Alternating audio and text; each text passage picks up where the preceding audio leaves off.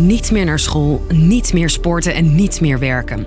Als vrouw in Afghanistan is het leven onder de Taliban zwaar beperkt. Vrouwen roepen om vrijheid. Maar De vrijheden voor vrouwen worden steeds meer ingeperkt. Bijna elke maand worden er wel nieuwe regels aangekondigd, eh, waardoor ze nog minder mogen. het regime heeft nu de volgende vergaande stap aangekondigd. Ik ben Sophie en ik vertel je hoe de rechten van vrouwen sinds de machtsovername van de Taliban teruggeworpen worden in de tijd. Lang verhaal kort. Een podcast van NOS op 3 en 3FM. 2021. It's time to end America's longest war. Dat jaar besloten de Verenigde Staten en hun bondgenoten na ruim 20 jaar te vertrekken uit Afghanistan. I think we have a terrorist act. Na 9-11 vielen de Amerikanen Afghanistan binnen, toen het land Osama bin Laden niet wilde uitleveren. Ze verdrijven de Taliban die dan aan de macht zijn. En vorig jaar zei Biden: It's time for American troops to come home. Als gevolg van het vertrek van al die westerse militairen rukken de Taliban weer razendsnel op en veroveren het hele land.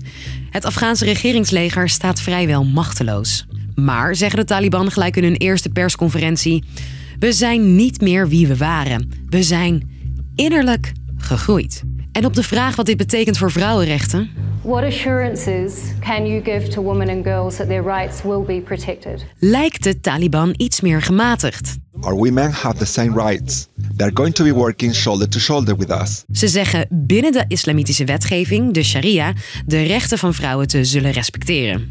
We want to assure the international community there will be no discrimination against women, but of course within our religious framework. Maar in de praktijk werd Afghanistan elke dag een moeilijkere plek om te leven voor vrouwen. En dus ging een deel van die vrouwen een paar weken na die toespraak de straat op. Tegen de nieuwe regering die alleen maar uit mannen bestaat en voor het recht op onderwijs voor meisjes. Dood aan de Taliban roepen ze. Tot woede van de Taliban. En in de maanden hierna neemt de onderdrukking van vrouwen toe. Meisjes worden geweigerd bij scholen, er zijn berichten over kinderarbeid, uithuwelijken en zelfs het verkopen van kinderen. En vanaf nu is daar een nieuwe strenge aanbeveling bijgekomen. Vrouwen moeten hun gezicht bedekken als ze naar buiten gaan. Tijdens een persconferentie van het departement van deugdzaamheid zijn de Taliban duidelijk. Het liefst zien ze eigenlijk helemaal geen vrouwen op straat. Niet zonder reden het huis uitgaan is de beste manier om je lichaam te verbergen, zegt hij.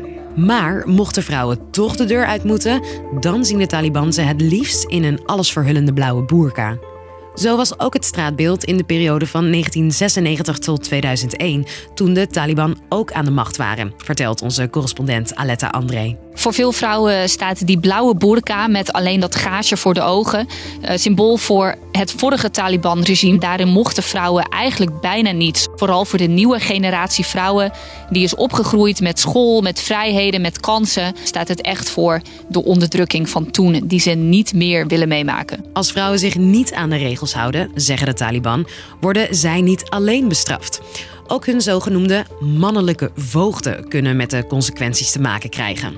Maar het leven van vrouwen is op meer manieren drastisch veranderd sinds de Taliban de macht weer grepen. Ja, voor veel vrouwen is het leven echt als, als dag en nacht veranderd. Talloze vrouwen zijn hun werk en inkomsten gewoon helemaal, helemaal kwijt. De Taliban zelf plaatste ook steeds eh, de opmerking erbij: alles mag als het maar binnen de islamitische wetgeving is. En dat is volgens hun natuurlijk veel strenger dan wat heel veel andere Afghanen denken. Eh, dus vrouwen mogen wel werken.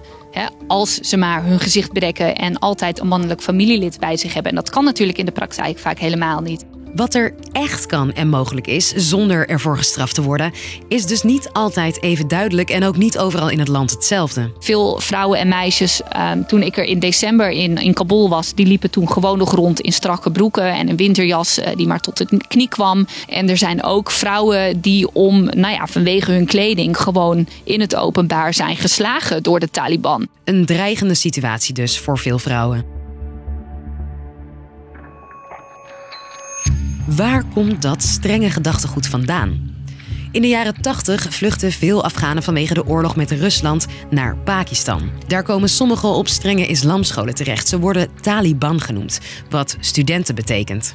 Zij vinden zichzelf dus heel correct in de islamitische leer. Maar er zijn heel veel andere Afghanen het helemaal niet mee eens. Nadat de Russen uit Afghanistan vertrekken, ontstaat er een burgeroorlog. En in 1994 keren de studenten, de Taliban, terug met één doel: met een streng islamitisch regime orde brengen in een verscheurd Afghanistan. Binnen twee jaar krijgen ze het grootste gedeelte van het land in handen. En veel mensen zijn er dan best blij mee.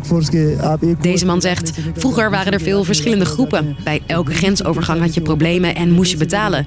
En nu heel Kabul in handen is van de Taliban, zijn er geen problemen meer. Maar je hoorde het al. Het regime werd strenger. Muziek werd verboden en vrouwen mochten niet sporten, studeren of werken. En daar lijkt het nu, sinds het vertrekken van de westerse troepen, weer naartoe te gaan. Het is nu afwachten of de strenge aanbevelingen vaker echte regels worden. Uh, vrouwen die daar nog zijn, die hopen dat ze uiteindelijk binnen de regels die er zijn in de praktijk nog, toch nog wel wat zullen mogen. Omdat die regels ruimte voor interpretatie openlaten. Maar de vrees is dat het alleen maar strenger gaat worden. Dus dat het nu alleen nog maar een aanbeveling is om een boerka te dragen. Maar dat het over een half jaar misschien wel echt een regel wordt. Dus, lang verhaal kort. Hoewel ze dus bij de machtsovername zeiden dat vrouwen een deel van hun vrijheden zouden behouden binnen de sharia-wetgeving, worden de regels en aanbevelingen van de Taliban met een maand strenger. Morgen rond de klok van vijf zijn we er natuurlijk weer met een nieuwe aflevering. Dankjewel voor het luisteren en tot de volgende.